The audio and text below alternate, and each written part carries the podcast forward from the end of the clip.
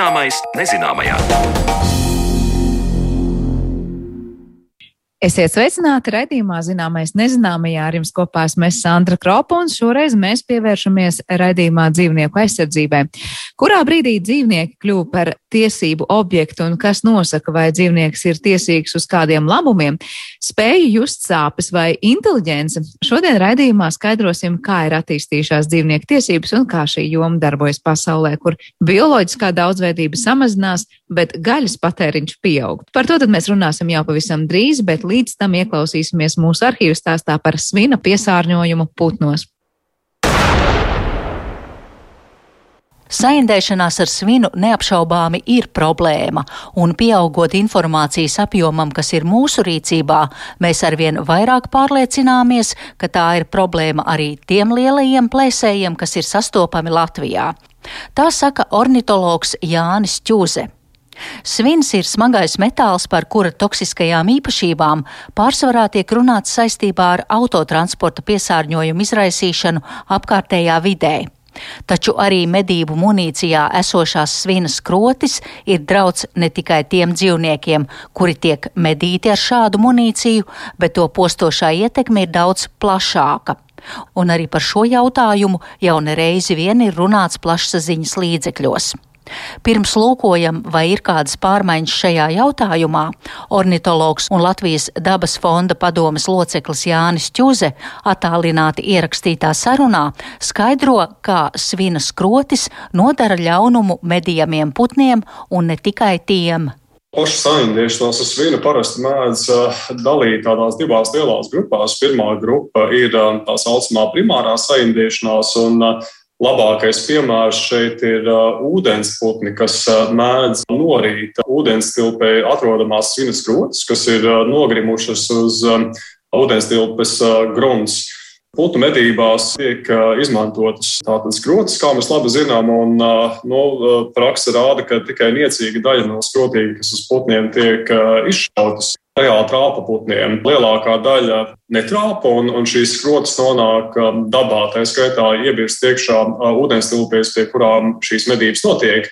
Un, um, Ir īpaši vietās, kur ūdens tilpē ir tīrs, smilšains vai uh, akmeņains dibens, kur šīs uh, skrotas nenogrims dūņās, tās kļūst pieejamas putniem. Un uh, pīles mēdz uh, rīt mazus akmentiņus, kas palīdz viņām uzkukuņģī sagremot uh, barību. Un uh, šo akmentiņu vietā nereti tiek norītas skrotas, tur, kur tās ir pieejamas. Un šie putni saindējās, tāpēc, ka kuģa skābes ietekmē šis viens pamazām šķīst. Un putni smagi saindējās, un šī saindēšanās izpaužās kā novājēšana, nu, teiksim, spēku izsīkums, un nu, pie lielākām koncentrācijām tas beidzas arī ar nāvi, tātad letāli. Un uh, otra lielā grupa ir sekundārā uzņemšana, kad um, plēsīgie putni apēd barības dzīvniekus, kas ir uh, saindējušies ar sviru, piemēram, šīs pašas pīles, kuras ir novārdzinātas un tādējādi ir vieglāk noķerams. Vai arī apēda barība, kas ir piesārņota ar svinu munīciju, piemēram, tās ir dzīvnieku atliekas, kas tiek atstātas mežā pēc lielo dzīvnieku medībām. Un šī tēma ir, ir diezgan plaši pētīta. Zināms, ka Šis uh, svina piesārņojums ir raksturīgs uh, faktiski visiem dzīvniekiem, kas ir šauti ar svinu saturošu munīciju. Šie jautājumi ir plaši pētīti Vācijā, piemēram, Leibnices zooloģijas uh, institūtā. Un dzīvnieki ir vesti uz rengēnu pēc nošaušanas, lai skatītos, kā izskatās šis ķermenis tieši kontekstā ar šīm metāla daļiņām, kas palikušas šajos dzīvniekos iekšā. Un šis metāla daļiņu skaits vienā nošautā dzīvniekā var sasniegt pat 500 vai 600. Tātad absolūtais vairums ir ļoti sīki izmēri, mazākas par milimetru, bet lielākās var būt pat līdz 10 mm caurmērā. Un, ja putni diezgan labi spēj atlasīt lielākas daļiņas, tādas, kas izmēros virs 8 mm un nenorīt, tad tādas, kas ir izmēros mazākas par nedaudz vairāk kā 4 mm, īsti atlasītas netiek un tās tiek norītas.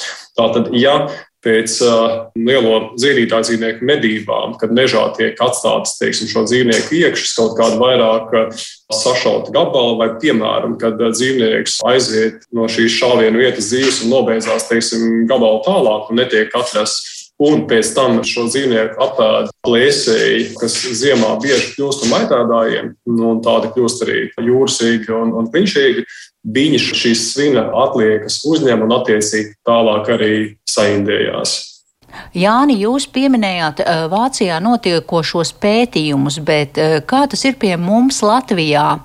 Vai notiek arī šie mītošo, ja pareizāk sakot, reiz mitušo putnu pārbaude? Jā, Latvijā nu jau daudzus gadus mēs veicam atrasto jūras iegu un kliņšu iegu izmeklēšanu, kas tiek veikts institūtā PIOR. Un tas parastais protokols, parastā kārtība, kā tas notiek, ir šāds. Putnam no sākuma tiek veikta pilna sekcija, lai saprastu, vai nav notikušas kādas traumas, piemēram, vai nav redzamas to pašu šāvienu tādas. Un pēc tam tiek veiktas arī ķīmiskās analīzes, proti, tiek ņemta parauga galvenokārt no aknām, lai skatītos uz svina klātbūtni. Un šo svina koncentrāciju mēra daļiņās uz miljoniem ppm un parasti skatās sauso masu. Un tiek uzskatīts, ka, ja šis skaits pārsniedz 6, tas jau putnam ir bīstami, un tālāk pie 23 daļiņām šī saindēšanās kļūst nāvējoša. Un uh, no tiem gadījumiem, ko mēs esam uh, konstatējuši Latvijā, mums ir tātad vismaz 4 vai 5 gadījumi, kad laboratoriski ir pierādīta saindēšanās uz svinu, kas ir uh, bijis putna nāves iemesls. Un uh, ir arī vēl virkne gadījumu, kad uh, nāves iemesls visticamākais ir bijis cits, kā piemēram trauma. Tajā pašā laikā putna organismā ir konstatēts paaugstināts svina klātbūtne. Un, un jūras iegas nav vienīgā suga. Mēs šādu saindīšanos ar svinu esam konstatējuši arī kliņšu iegniem. Kādi ir tie soļi, ko jūs varat darīt, lai samazinātu vai labākā gadījumā izskaustu šīs svina munīcijas lietošanu? Pirmkārt, mēs uh, varam aicināt mednieku apsvērt šos uh, argumentus un atteikties no svina munīcijas lietošanas. Jo, kā stāsta kolēģi, kas paši ir mednieki, šobrīd bez svina alternatīvas var atrast principā visiem medību munīcijas veidiem. Jo ir svarīgi paturēt prātā, ka izmantojot svinu munīciju, nu, mēs ne tikai nodaram pāri dabai, mēs principā arī skādējam pašu sevi, jo šo pašu medījumu gaļu, protams, ka mednieki nes uz mājām un ar to baro savas ģimenes. Jo nu, iepriekš jau minēju, ka šī šāviena rezultātā šī dzīvnieka ķermenī var nokļūt milzīgs daudzums ļoti sīku svina daļiņu, kuras dažkārt pat ar neapbruņotu aci īsti nevar redzēt. Un, ja tādas nu, sašautākos gabalus, lielākos šos munīcijas gabalus mēs vēl varam redzēt un atlikt malā, tad ar to sīko daļiņu atlasīšanu tas nav tik vienkārši. Un, nu, principā, skatoties rengenā, tas ir tāds mākonis, sīkām skaidiņām ko principā nu, izlasīt ārā no tās gaļas īsti tehniski nav iespējams. Tas, ko mēs esam dzirdējuši, ka ir mednieki, kas uzskata, ka bezsvina munīcija ir dārga, ir tādi, kas uzskata, ka bezsvina munīcija nav piemērota tieši viņu izmantotiem ieročiem, un ir tādi, kas uz, uzskata, ka bezsvina munīcija tādā balistiskā ziņā šīs īpašības ir sliktākas nekā svina saturošai munīcijai. Jau pirms četriem gadiem, 2018. gadā, dabas aizsardzības pārvalde noteica aizliegumu izmantot svinu saturošu munīciju īpaši aizsargājamās dabas teritorijās Latvijā ūdensputnu medību laikā. Jautāja Jānim Čusem, vai šis aizliegums ir uzlabojis putnu stāvokli Latvijas dabā. Jā, tas ir tikai daļējs risinājums, neapšaubām. Tas ir vērtējums kā mazs solis pareizā virzienā, bet tā atbildes liekas tajā, ka vajadzētu nonākt pie pilnīgas svina munīcijas aizliekšanas, jo toksisks, protams, ir ne tikai svina skrotas, kuras jau pieminēju iepriekš, kas tiek izmantotas putnu medībās, bet toksiski ir arī lielo dzīvnieku pārneģu medībās izmantotā munīcija, kas arī daudzos gadījumos joprojām satur svinu, un tāda, kas tāpat nonāk dabā. Un uh, Latvijā ir uh, arī pozitīvi piemēri, kā piemēram ķemēra Nacionālais parks, kas ir vienīgā lielā dabas aizsardzības teritorija Latvijā, kurā pilnībā ir aizliegta svinu munīcijas izmantošana. Tātad medībās tu drīkst izmantot tikai bezsvinu munīciju. Bet nu, atkal ķemēra Nacionālais parks ir salīdzinoši nu, neliela Latvijas teritorijas daļa. Protams, ka tas to lielo problēmu nerisina. Kā jau teicāt, šie minētie aizliegumi ir daļējs risinājums. Tad kāda ir situācija pēdējos gados? Cik daudz putnu tiešā un netiešā veidā ir cietuši no svina skrotīm? Tas ir uh, vairāki gadījumi no 2021. gada. Ir bijuši divi gadījumi, kad um, ir uh, konstatēta saindēšanās ar svinu, bet nu, pašu putnu nāves iemesls ir uh, bijis cits. Un tad vēl gadu atpakaļ ir bijis smags saindēšanās gadījums. 19. gadā ir bijis saindēšanās gadījums ar svinu, un tad uh, 18. gadā principā mēs katru gadu konstatējam vienu vai vairākus gadījumus, kad ir notikusi šī saindēšanās.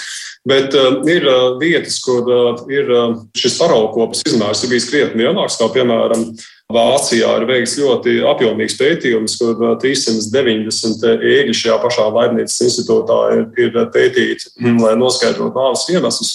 Ir konstatēts, ka 23% gadījumu tiešanās ar svinu ir bijis nāves iemesls.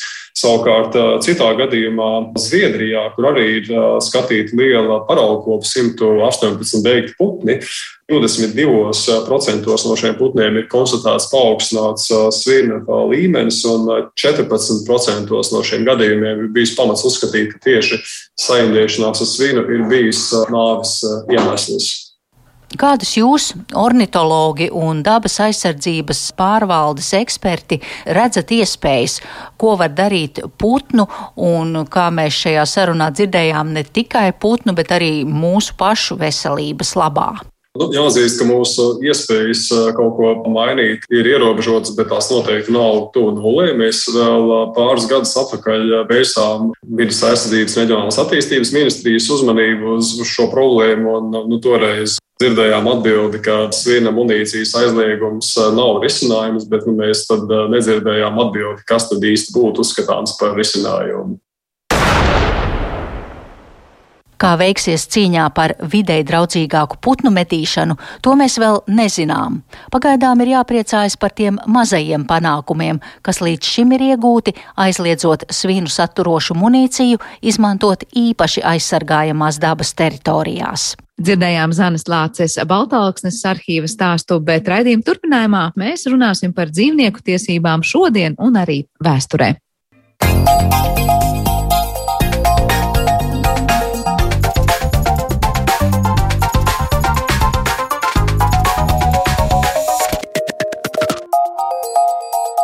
Zināmais nezināmajā. No 2028. gada Latvijā būs aizliegts audzēt kažokzvērus, tāpat arī arvien vairāk ražotāju atsakās no sprostos turēt vistolām. Zinātnes laboratorijās arī dzīvnieku izmantošana tiek stingri uzraudzīta un nodrošināt dzīvniekiem maksimāli labus dzīves apstākļus, un tas viss liek domāt, ka dzīvnieku tiesību aizstāvi piedzīvo tādu kā uzvaras gājienu gan pie mums Latvijā, gan citviet pasaulē. Vai tā tiešām ir, vai tomēr šobrīd vēl ir daudz jautājumu, kuros izpratni par dzīvnieku tiesībām tiešām ir palikusi novārtā. Uz šiem un citiem ar dzīvnieku ētiku saistītiem jautājumiem mēs šodien meklēsim atbildes redzījuma turpinājumā, un tāpēc studijā es sveicu biologu un Latvijas universitātes profesoru, arī Tartu universitātes profesoru Indriķu Kramu. Labdien! Labdien! Šeit pat mums blakus arī filozofs un Latvijas universitātes docents Artis Sveice. Labdien! Labdien! Un telefoniski ar mums kopā būs arī filozofs un dzīvnieku tiesību aktīvists un aizstāvis, un kā pats sev reiz ir devējis zvērnāt dzīvnieku advokāts Sandrs Nādminis. Labdien, Sandri! Labdien! Es sākšu ar to, ka nu, tajā ievadā es jau minēju dažus no faktiem, kas pēdējā laikā diezgan arī nu, skaļi izskan publiskajā telpā, un tomēr arī dzīvnieku kustības dzir dzirdam diezgan daudz visā pasaulē, dažādas aktivitātes. Sandra, pirmais jautājums, vai var teikt, ka dzīvnieku kustība šobrīd ir tāda nu, izteikti strauji augoša sociālā kustība un tāda, kurā tiešām tās lietas arvien skaļāk un vairāk tiek risināts? Kāda ir tā globālā un arī, piemēram, Latvijā lokālā sajūta? Nu, tā jau mēdz teikt, ka tā varētu būt viena no visstraujāk augošajām nu, sabiedriskajām kustībām mūsdienās. Un, un ciešās arī sasaistē ar, ar citām kustībām. Nu, bieži vien jau ir tā, ka tie dzīvnieku aizstāvi vienlaikus iesaistās gan uh, vides aizsardzības kustībā, gan cilvēktiesību lietās. Līdz ar to tur jau noteikti tāda pārklāšanās. Bet, nu, jā, redzot, cik daudz dažādi, nu, gan likuma pārmaiņas notiek, gan dažādi, uh, nu, teiksim, ražošanas pārmaiņas, nu, man liekas, tie ir diezgan labi iemesli uzskatīt, ka šobrīd, jā, tas ir kaut kas ļoti liels un, un nozīmīgs dzīvnieku aizsardzības kustībā. Jā, droši vien ar tiem arī ir kas sakāms, kāda ir tā sajūta, vai dzīvnieku tiesības, kā izteikti varbūt pēdējā laikā, vai tas, kā tās pasniedz māca, vai es nezinu, dzīvnieku ētiku. Nu, ir tā sajūta, ka pievēršam vairāk uzmanības un varbūt tā kā disciplīna arī sev vairāk piesaka augstskolās. Nu, mēs varam parunāt par to, kas ir dzīvnieku tiesības. Tas būtu atsevišķs varbūt jautājums, bet uh, par to kopējo uh, izaugsmas sajūtu. Uh, No vienas puses, jā, no otras puses, mums tomēr jāņem vērā, ka tā ir kaut kāda parādība, kas vairāk, eh, manuprāt, raksturo rietumu sabiedrību. Un eh, te var strīdēties par to, kāda ir tā kopējā situācija, jo eh, nu, Sandrs droši vien varēs labāk pastāstīt, es, cik es saprotu, tomēr pasaulē gaļas patēriņš pieaug. Um, nu, sugas iznīkst. Ja, tā kā iedomāties, nu, ka tagad šī kustība kaut kā ir radikāli mainījusi to mūsu situāciju, es tā neteiktu. Nu, cita lieta, ka varbūt ir atšķirība tiešām par, par situāciju rietumu pasaulē, Eiropā, varbūt Ziemeļamerikā un, un, un, un citur. Bet es domāju, jābūt uzmanīgam ar šo, šo sajūtu. Bet, piemēram, labi, pirms es dodu vārdu atkal Sandrim un arī Indriķim šeit pat studijā, viena lieta ir pateikt, ka gaļas patēriņš nav mazinājies un sugas izzūd, un tas, protams, ir liels un globāls lietas, par kurām mēs arī starpdisciplināri daudz runājam, bet tajā pašā laikā kaut kādu da, desmitgažu kontekstā labturības nosacījumu kaut vai, es nezinu, lopkautuvēs vai kaut kādās citās vietās. Nu, es saprotu, tas varbūt skan traki, bet mēs tāpat to gaļu patērējam. Ja tas uzlabojas, tas neliek domāt, ka varbūt tām dzīvnieku tiesībām tiek tomēr pieņemta. Nē, nē, nu skaidrs, jā, nu to jau mēs jūtam. Nu, ka, man bija savā laikā studenti, kuru stāstīja, ka e, viņa skolā, tad, kad viņa bija atteikusies e, ēst gaļu, viņu bija veduši pie e, psihoterapeita, lai kaut kā tiek galā jā, ar šo dīvaino cilvēku. Nu, mūsdienās es domāju, tas eh, nu, maz, mazticams, ka eh, tā būtu. Ja tā, tā sajūta mums šeit, rietumos, ir mainījusies, situācija nepārprotami ir mainījusies. Bet eh, nu, es, es aicinātu kā, da, dažādās perspektīvās, varbūt to parādību skatīties. Es domāju, ka mēs to arī darīsim šajā raidījuma pusstundā no dažādām pusēm. Es gribēju arī Indriķim dot vārdu un uh, pajautāt, kā ir bioloģijas pusē, vai arvien vairāk tiek domāts un runāts par to. Mēs esam iepriekšējos raidījumos šeit tikušies, vai dzīvnieki to, to jūt, nejūt, sāpes, vai ir tas, piemēram, konkrētais raksturlielums, pie kur atkal mēs tur sākam diskutēt par dažādiem ar dzīvnieku ētiku saistītiem jautājumiem jautājumiem, vai mainās tas, kādā kontekstā par dzīvniekiem domā paši biologi un pētnieki? Mainās gan, bet tas ir ļoti lielā mērā saistīts ar, ar to, kādi esam mēs paši un kādā konkrētā politiskā, ekonomiskā situācijā dzīvojam. Mūsu vide mainās daudz straujāk nekā mēs vispār to spējam saprast. Mēs nejūtam, kā vide mainās. Uh, bet mēs rēģējam uz to bieži vien uh, ļoti haotiski, emocionāli. Ja runā zinātniski un neemocionāli, uh, skaitļos, tad uh, cilvēks ieņem uh, ekosistēmā noteiktu vietu. Cilvēks sāk dominēt praktiski visās ekosistēmās. Tas viss beigsies tikai tajā brīdī, kad cilvēks kā suga iznīks uz šīs planētas, ātrāk nē. Vai arī, kad mūsu ekonomika sabruks, un tas sabruks noteikti, nebūs ne Eiropas Savienības, nebūs ne tirgus ekonomikas kaut kādā brīdī, kad resursi būs iztērēti. Bet šobrīd ir tā, ka uh, fiziku mēs nepiemānīsim. Ja? Fizika ir. Uh, un uh, kurš kuru ēd, tas ir, uh, nu, tas ir kā pastāv ekosistēmas, ja? kā tiek virzīta uh, enerģija caur ekosistēmām. Un, ja mēs gribam kaut ko kardināli mainīt, mēs mainīsim ekosistēmas. Uh, Bet jautājums ir daudz sarežģītāks, tāpēc, ka mēs esam emocionāls būtnes, atmetīsim no to fiziku. Vairāk vai mazāk. Uh, bet um, uh, jautājums pat, uh, nu, no kādas puses tas, tā emocionālā, uh, tas emocionāli nokrāsa nāk? Uh, tā nāk no tā, ka uh, dzīvniekus, kurus mēs turam, tās pašas tur polāri, lapsas dažādas, tur govis un, un aitas un, un, un kas tik tur vēl mums nav, tie ir domesticēti dzīvnieki, vairāk vai mazāk. Un domestikācija ir ārkārtīgi interesants process. Domestikācijas rezultātā uh, kādreizējie uh, savvaļas dzīvnieki kļuva par mājdzīvniekiem. Viņi spēja, piemēram, suņi nolasīt emocijas, arī kaķis gan jau kas spēja nolasīt emocijas no cilvēka sejas. Ja mēs nebūtu domesticējuši dzīvniekus, Jūs visi ļoti labi atceraties, ka ir tāda lieta kā Krievijas armijas uzbrukums Ukrainai un kā viņi tur uzvedās, eh, tur bučā, irpeņā. Tā, tā, tā uzvestos mēs visi. Ja mēs būtu ja? dzīvnieki, ja, ja mēs paliktu tajā ja mēs paliktos, jā, savā mājdzīvniekiem līmenī.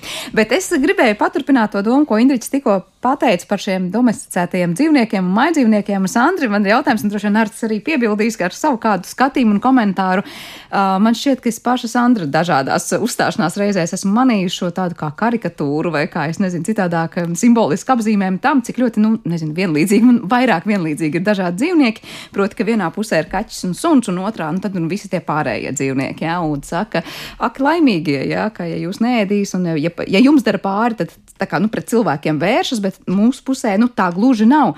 Cik ļoti ir dzīvnieku tiesību vidē izplatīts tas, kā domāt par to, nu, cik dažādi dzīvnieki savstarpēji tā var teikt ir vienlīdzīgi? Sandra, sākšu ar, ar šo, šo atbildes galu un pēc tam Artim vaicāšu.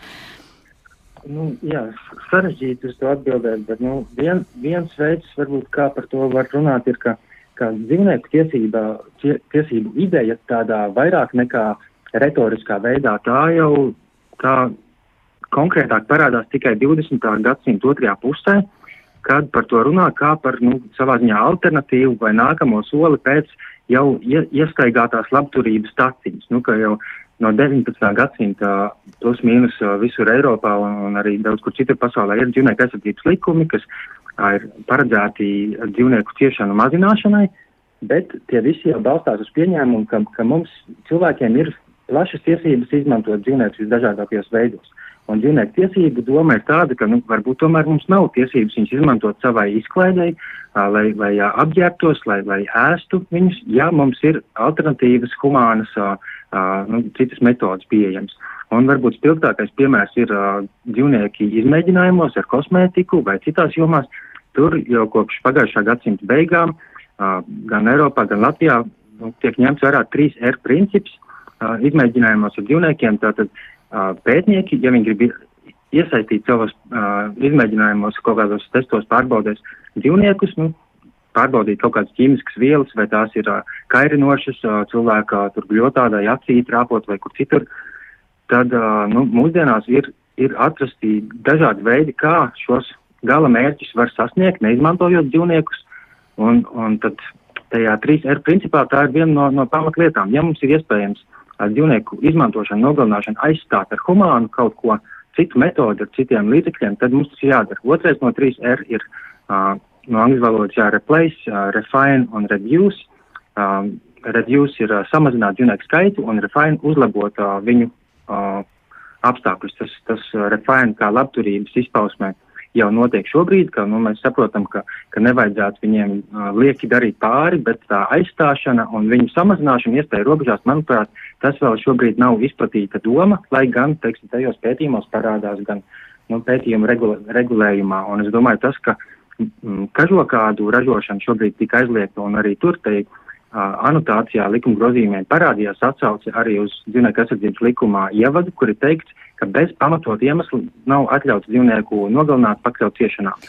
Nu, mēs redzam, ka mūsdienās kažokāda ražošana noteikti nav pamatots iemesls viņu nogalināšanai. Un es domāju, pamazām šī doma at, sāk aizvien vairāk attiekties arī uz citām jomām. Un tas, manuprāt, ir dzīvnieku tiesību būtība, ka neskatoties uz to, vai mēs viņus gribam vai negribam izmantot, nu, varbūt tomēr nu, viņiem ir kaut kādas nu, aizsargājums intereses, kas ir pāri mūsu vēlmei nopelnīt, dzīvot ērtāk, dzīvot uh, nu, ar, ar lielāku, kā lai saka, greznību vai baudu Jā, es laikam pieminēšu tikai pie Sandra teiktā to, ka tas, kas tika minēts attiecībā uz kosmētiku, nu daudzās eh, citās zinātnes laboratorijās arī jau notiek, es zinu, tajā pašā farmācijā kaut ko, ko var izdarīt līdz, kā saka, do to dzīvnieku etapu pagarina līdz pēdējiem brīdim, lai, piemēram, visu, ko var pārbaudīt līdz tam atsevišķās tur vai šūnu kultūrās vai kā citā, tas tiek darīts.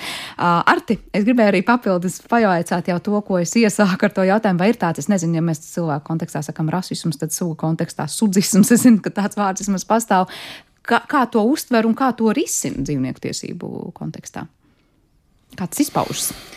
Nu jā, mēs esam ļoti daudz tēmas pametuši e, gaisā, jā, un, un nezinu, vai viņas visas var tā e, e, notvert.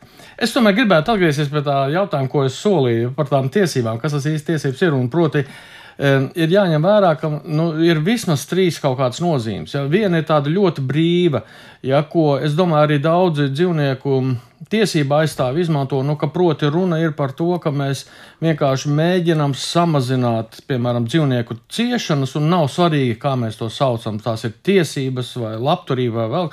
Proti, e, tā ideja ir tāda, ka tiesības nozīmē kaut ko vairāk nekā labturība. Es atvainojos, tās Jā. ciešanas būtu kontekstā, vai tā ir e, lopkautu, vai tā ir laboratorija, vai tas ir, nezinu, neatstāt dzīvnieku piesiet pie koka, tāpēc, ka nu, saimnieks nu, visi, ir vienkārši visi, tā izdomājis. Jā. Jā, e, un atkal pie tā varētu stundu vēl runāt, ja, bet, bet tad ir tā filozofiskā diskusija, ja, kurā ir filozofiskā diskusija un vēl ir juridiskā diskusija, ja, juridiskās tiesības. Un viņi katrs no tiem jautājumiem mazliet neatšķirīgs, ja, jo jūs varat piešķirt juridiskās tiesības kaut kam, kam par ko varbūt filozofi varētu nevienoties. Un es domāju, ka šobrīd nu, eh, ir ļoti interesanti jautājumi ne tikai par dzīvnieku tiesībām, juridiskām, bet piemēram par meža tiesībām, juridiskām. Ja? Zviedrijā ir eh, ierosināta tāda, tāda versija. Ja? Tad, tad tā būtu tā viena diskusija.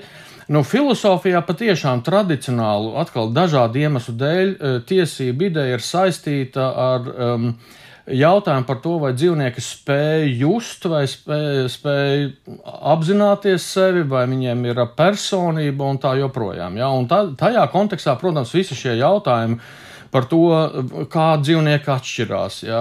vai viņiem ir šī personība, vai viņiem ir emocijas, ja viņi kļūst, kļūst aktuāli. Ja? Un tur arī, ja mēs tagad paskatāmies uz dzīvnieku uzvedības, pētniecības vēsturi, ja, etoloģija, behaviorisms. Tur arī ir diezgan interesanti, kā tas 20. gadsimtā tur ir mainījušās un bijuši visādi pārpatumu, kritumi, un, un būtībā tikai kopš 70. gadiem dabas zinātnieki atļaujās runāt par dzīvnieku, dzīvnieku psihiju un psiholoģiju. Ja, bet, redz, filozofijā mazliet citādi, jo filozofijā šobrīd patiesībā es teiktu, tā sajūta man ir tāda, ka e, mēs ejam prom no tiesību ja, e, tēmas.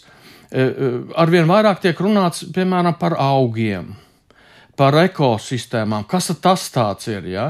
Un, un, un, protams, tur ir viena versija, ja, ka teiksim, augam arī viņam ir kaut kādas emocijas, reakcijas. Ja? Atkal, vai to nopietni uztvert vai nenopietni uztvert, bet, bet tā sajūta ir tāda, ka ka tā, ka tā tiesība ideja, nu, e, e, cik es tā jūtu filozofijas tajā aprindā, ka tā tiesība ideja, viņa varbūt ir efektīva, kā Sandrs teica, retoriski, viņa varbūt ir interesanta juridiski, bet filozofijā mēs arvien tā kā, tā kā attālinamies, un mēs e, arvien vairāk tiek pacelt jautājumi par, par, par šīm sistēmām, ja, par, par miedarbību, vai tiešām mēs varam vienu vienu organismu nošķirt no otra. Ja, un, un, un, Un, eh, ja, un, un, un varbūt, eh, varbūt galvenais nav tiesības, bet, piemēram, um, nu, um, um, empātija, piemēram, protams, jēdziens, ko lieto, bet arī man patīk, ir tāds jēdziens, kas tiek izmantots trauslums.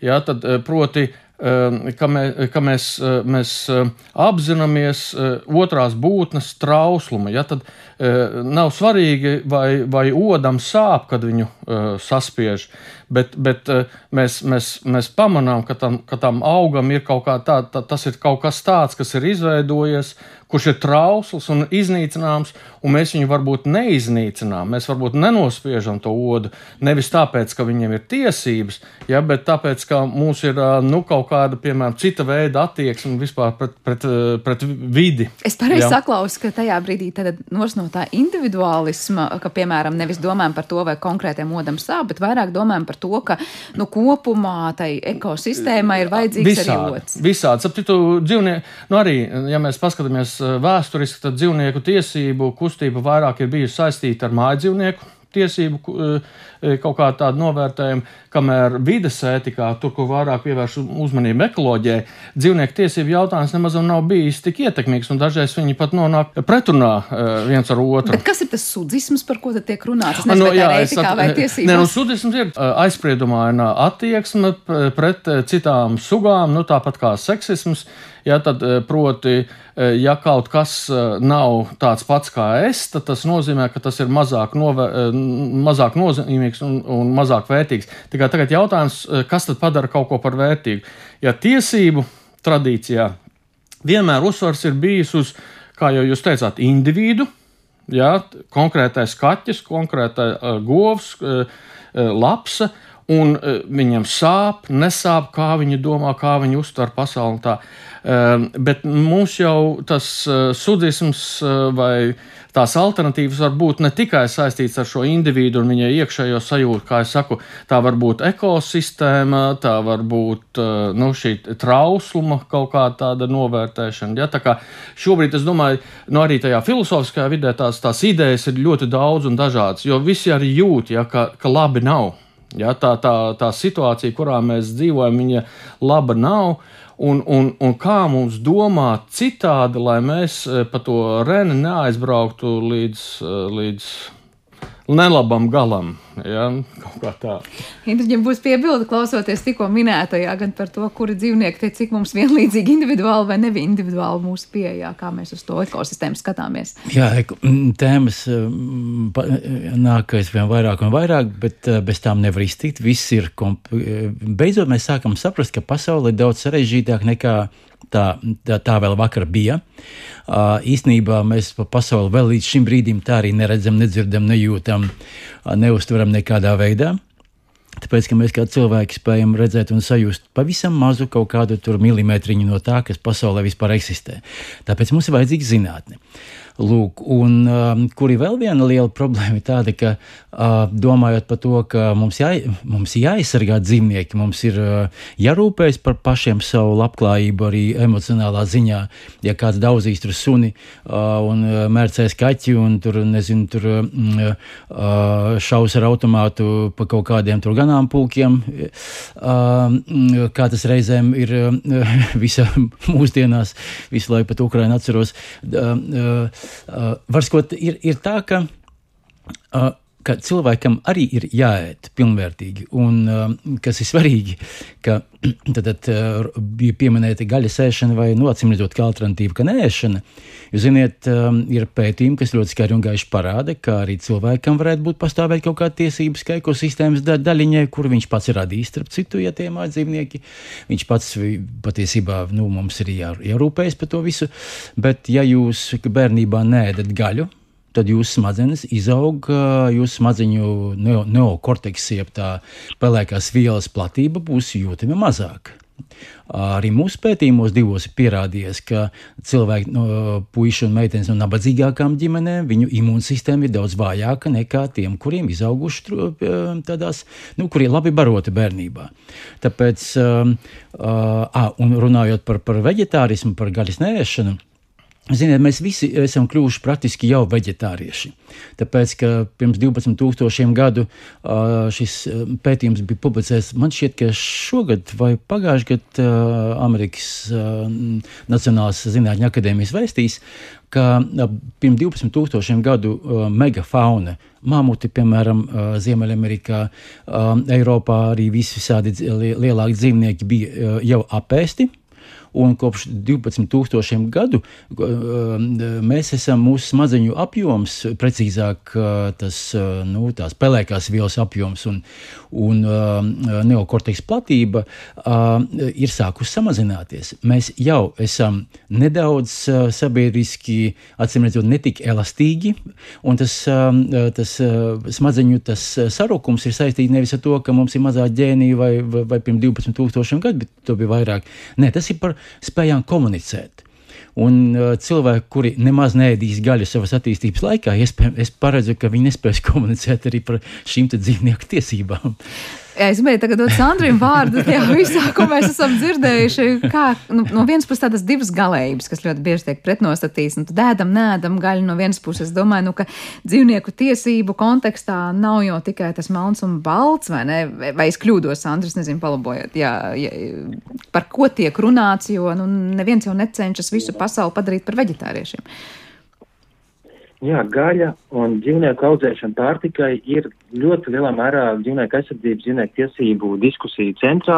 Es domāju, gan tāpēc, ka ir milzīgi apmēri uh, tajos skaitā. Latvijā, teiksim, 21 miljonus katru gadu sauszemes dzīvniekus nokauja apēšanai pasaulē tie 75 miljardi. Nu, tie skaitļi ir diezgan neaptverami, bet, nu, salīdzinot ar, ar citiem dzīvniekiem, pat ar, ar, ar savvaļas dzīvniekiem, nu labi, varbūt neskaitot dzīves, uh, nu, tas ir lielais vairums gan, gan svara ziņā, gan, gan, gan tajā, kas mums ir apkārt un ko mēs varam ietekmēt tiešā veidā ar savām ikdienas izvēlēm. Nu, man, man šķiet svarīgi tas, ko Indričs pieminēja par, par zinātnes nozīmi, un, un tāpēc es priecājos redzot, kā virzās uz priekšu gan uh, pētījumi par, par dzīvnieku uh, spējām, gan just, gan saprast, gan pētījumi par to, kā tas, ka mēs viņus masveidā audzējam, ietekmē vidi, uh, un ko par to saka vidas organizācijas, dažādas uh, valsts iestādes šajā sakarā, un arī uztura zinātni. Piemēram, nu, ja es gribu aizstāvēt dzīvniekus un, un aicināt cilvēkus vismaz samazināt uh, dzīvnieku ēšanu vai, vai izslēgt pavisam, nu, tad man ir svarīgi zināt, ko par to saka uh, uztur, uztura zinātnieki.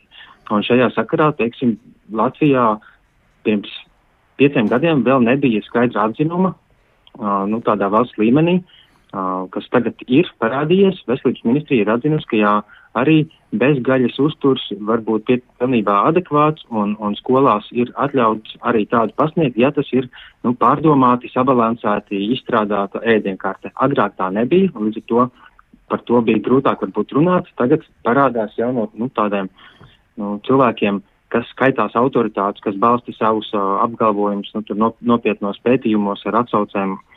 Un, un Nu, tas nav tikai viedoklis. Nu, un, protams, tas, tas, es domāju, laika, laika gaitā uh, mainās un var mainīties, bet tas, tas, ko mēs šobrīd redzam, manuprāt, nu, diezgan, kā, kā lai saka, Nu, proti, parādās vēl viens viedoklis tam, ka ne tikai tas, ko Indričs teica, no vienas puses, nu, tad, ja nēdam gaļu bērnībā, tad pēc tam nav īsti labi. Mm. Tajā pašā laikā no vienas puses izklausās arī nu, pretrunīgi, varbūt tas, ka, nē, ja tas uzturs ir sabalansēts, tad patiesībā mēs varam. Bet uh, es gribēju vēlreiz precizēt, es pareizi atkal saku, saklaus to, ka dzīvnieks kā resurs joprojām ir diezgan nu, izteikti uztverts mūsu apziņā vai mūsu, nezinu, domāšanā, civilizācijā un visā pārējā, vai virzās prom no tā, ka nu, dzīvnieks nav uztverams tikai kā resurs, un es nezinu, kā citādāk vēl nosaukt. Sandra sākšu ar telefonu sarunas pusi. Jā, manuprāt, pēdējos gados, līdzīgi kā ar tiem uzturā un veselības uh, atzinumiem, arī uh, dzīvnieka status vairāku valstu likumos ir vismaz, nu, kā lai saka, tā simboliski atzīts, ka dzīvnieks nav lieta, dzīvnieks ir sajūtoša būtne. Un varbūt tas tiešā veidā varbūt uzreiz neietekmē kaut kādus likumus un ko, kas ir atļauts, kas nav atļauts ar viņiem darīt. Bet nu, tas tiek uzskatīts, ka šis ir bezmaz sākuma punkts, lai mēs varam vispār diskutēt par, par, par to gan dzīvnieku statusu dažādās konkrētās jomās, gan, gan viņu izmantošanas, atļaušanu, neatļaušanu. Un, nu, Latvijā Tas vēl nav likumā parādījies, ka dzīvnieks ir skaidri un gaiši atzīts, ka nu, dzīvnieks nav priekšmets no manta, lai gan es domāju, visi to saprot, bet kamēr tas nav uh, likumā parādījies, ir, ir iespējams daudz grūtāk viņus arī aizstāvēt, un, un nav brīnums, ka varbūt parādās joprojām diezgan bieži ziņas mēdījos, ka kaut kāda nežēlīga izturēšanās pret lopiem notiek, un, un tad tur ir citāts no, no no saimnieka, kas saka, ka tā ir mana manta un es daru, kā es gribu. Tas ir savā ziņā priekšmets. Nu, es domāju, ka nu, uz likumu nevajag paļauties, ka tas atrisinās visas mūsu problēmas, bet nu, tas ir viens indikators par to, kā mēs šobrīd sabiedrībā skatāmies uz dzīvniekiem. Ar droši vien par dzīvnieku lieta vai priekšmets vai resursu domāšanu un formulējumu nu, likumā. Viens atkal tiešām uz daudz lietas sarunā, sarunāts, bet nu, tas, par ko, ko es noteikti uzsvērtu, ja, ka ka mūsu izvēle, un arī to jau jūs teicāt, ja, ka mūsu izvēle šobrīd nav starp uh, vegānismu un um, uh, visēšanu. nu, nu, jā, nē, nu, proti, uh, uh, Nu, es nezinu, vai ir kāds pētījums, kas rādītu, ka jo vairāk tu ēd gaļu, jo tu esi komunikablāks. Man ir par to lielas uh, šaubas. Un atbilstoši um, te uh, viens jautājums, vai mums vispār vajadzētu atturēties no gaļas.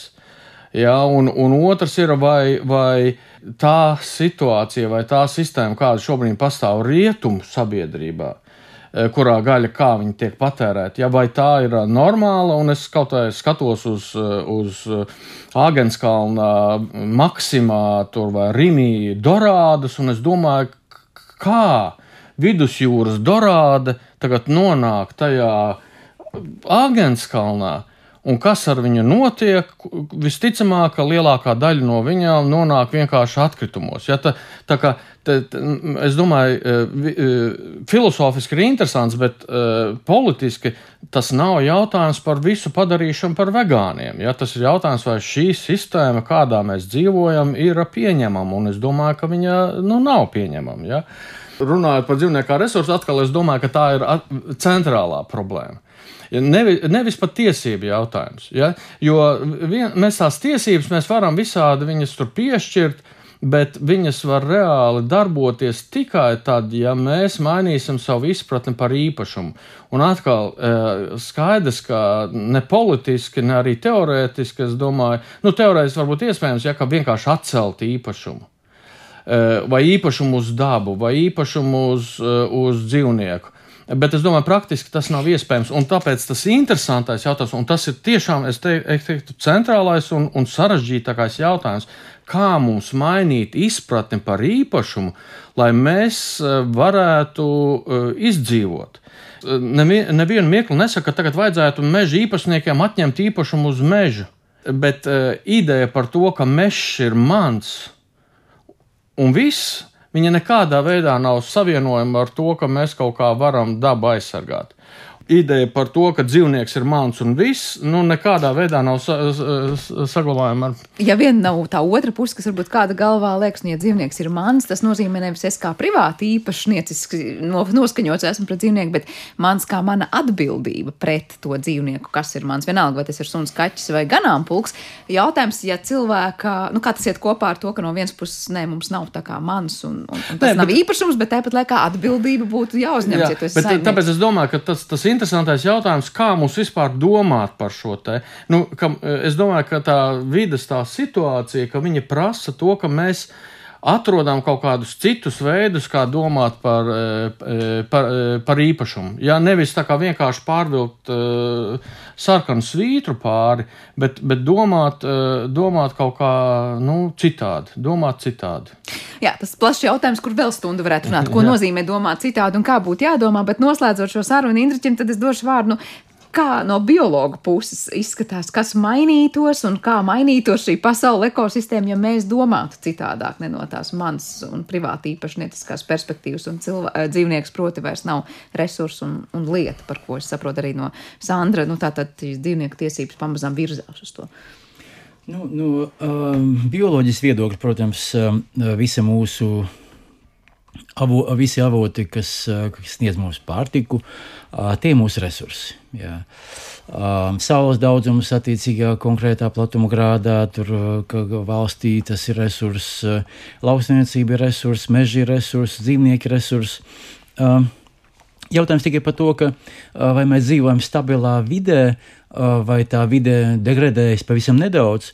Problēma ir tieši tā, ka kāpēc mēs par to visu sākam uztraukties. Visi, absolūti. Meža īpašnieki, um, ekonomisti, dzīvnieku tiesība aizsargi, kāpēc, varskot, Viss tikai tāpēc, vien, ka vide, kurā mēs dzīvojam, degradējas neprātīgi strauji. Mēs patiešām aizstājam, lai mēs varētu paēst šis milzīgais cilvēku daudzums, kāds mums te pašlaik ir.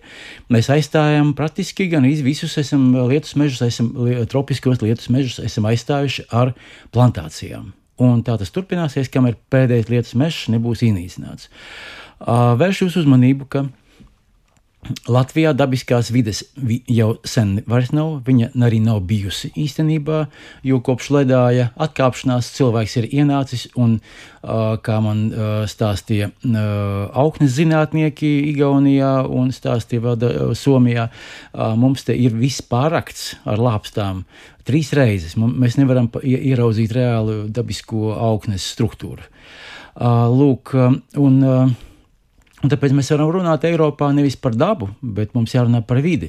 Atkal resursi, pavisam konkrēti. Cik mums ir kādu ūdeņu, cik mums ir gaisa, cik mums ir dzīvnieku, uh, pīļu zosu, mēs visu varam saskaitīt. Bet jautājums, vai mēs varam palikt tikai pie tās kategorijas, ka mēs to skaitām kā resursu, un tad jautājums, ja mēs nemainām mazliet to domāšanu, ka skatāmies plašāk, Baidos, mēs, mēs varam atrisināt problēmas, kuras mēs esam radījuši?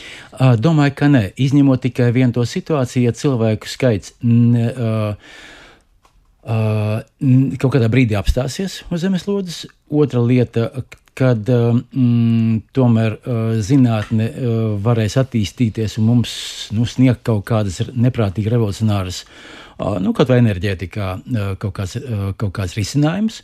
Vēl viena lieta, tad, kad mēs iemācīsimies risināt atkritumu problēmu, bez zinātnes to arī nevarēs izdarīt. Uh, jo tā ir daudz lielāka problēma. Bet jautājums, vai to varēs izdarīt ar nemainīgu cilvēku domāšanu? Protams, jūs sakāt, ja mēs apstādinām cilvēku skaitu, Nekādā bet ja gadījumā. tie nemaina savas vērtības, tad diez vai mums Nekādā gadījumā. Mūsu vērtības mainās ļoti strauji.